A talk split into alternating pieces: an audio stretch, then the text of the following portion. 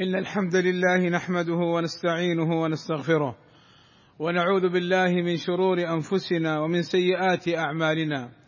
من يهده الله فلا مضل له ومن يضلل فلا هادي له. وأشهد أن لا إله إلا الله وحده لا شريك له. وأشهد أن محمدا عبده ورسوله.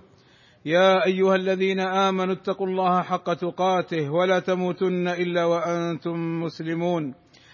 يا أيها الناس اتقوا ربكم الذي خلقكم من نفس واحدة وخلق منها زوجها وبث منهما رجالا كثيرا وبث منهما رجالا كثيرا ونساء واتقوا الله الذي تساءلون به والأرحام إن الله كان عليكم رقيبا.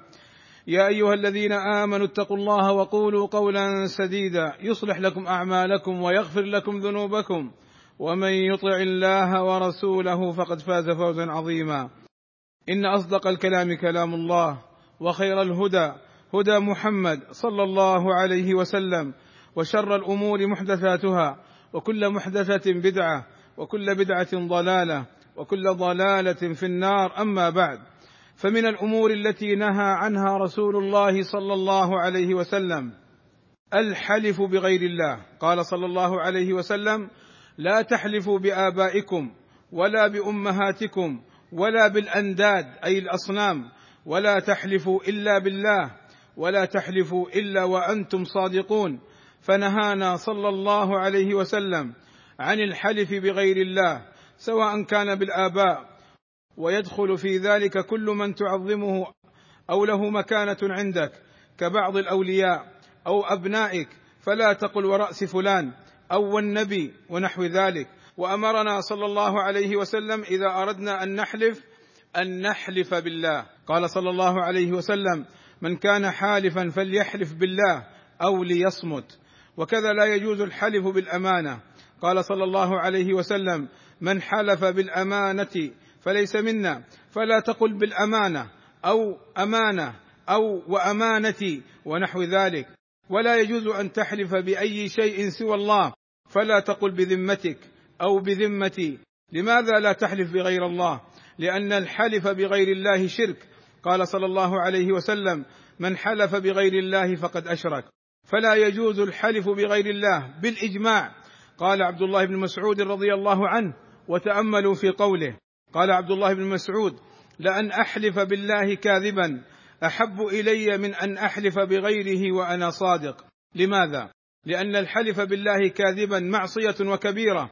وأما الحلف بغير الله فهو شرك والشرك أعظم من الكبيرة. فالحلف بغير الله إن كان مما يجري على اللسان دون قصد المساواة بين المحلوف به وبين الله فهو شرك أصغر وهو من كبائر الذنوب المحرمة. وكفارة من حلف بغير الله أن يقول لا إله إلا الله. قال صلى الله عليه وسلم من حلف منكم فقال في حلفه باللات والعزى أي بغير الله فليقل لا إله إلا الله. وأما إذا حلف بغير الله معتقدا أن المحلوف به مساو لله تعالى في التعظيم والعظمة فهو شرك أكبر مخرج من الملة. والله أسأل لي ولكم التوفيق والسداد في الدارين وأن يغفر لنا الذنوب والزلات إنه هو الغفور الرحيم.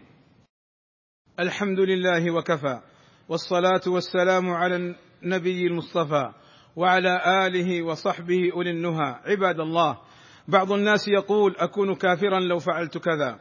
أو أنا بريء من الإسلام لو فعلت كذا. وبعضهم يقول أكون يهوديا أو نصرانيا إن فعلت كذا. وهذا لا يجوز محرم من كبائر الذنوب. قال صلى الله عليه وسلم من حلف فقال إني بريء من الإسلام فإن كان كاذبا فهو كما قال وإن كان صادقا فلن يرجع إلى الإسلام سالما. وقال صلى الله عليه وسلم من حلف على يمين فهو كما حلف إن قال هو يهودي فهو يهودي وإن قال هو نصراني فهو نصراني وإن قال هو بريء من الإسلام فهو بريء من الإسلام.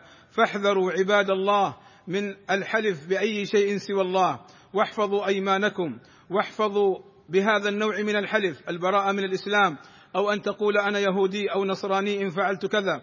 فاحذروا هذه الأمور واحلفوا بالله وأنتم صادقون. عباد الله إن الله وملائكته يصلون على النبي. يا أيها الذين آمنوا صلوا عليه وسلموا تسليما. فاللهم صل على محمد وأزواجه وذريته كما صليت على آل إبراهيم. وبارك على محمد وأزواجه وذريته كما باركت على آل إبراهيم إنك حميد مجيد. وارض اللهم عن الخلفاء الراشدين أبي بكر وعمر وعثمان وعلي وعن جميع أصحاب النبي صلى الله عليه وسلم. والتابعين لهم بإحسان وعنا معهم بمنك وكرمك. اللهم آتنا في الدنيا حسنة وفي الآخرة حسنة وقنا عذاب النار. اللهم اغفر للمسلمين والمسلمات والمؤمنين والمؤمنات الأحياء منهم والأموات. والصلاة والسلام على المبعوث رحمة للعالمين. والحمد لله رب العالمين.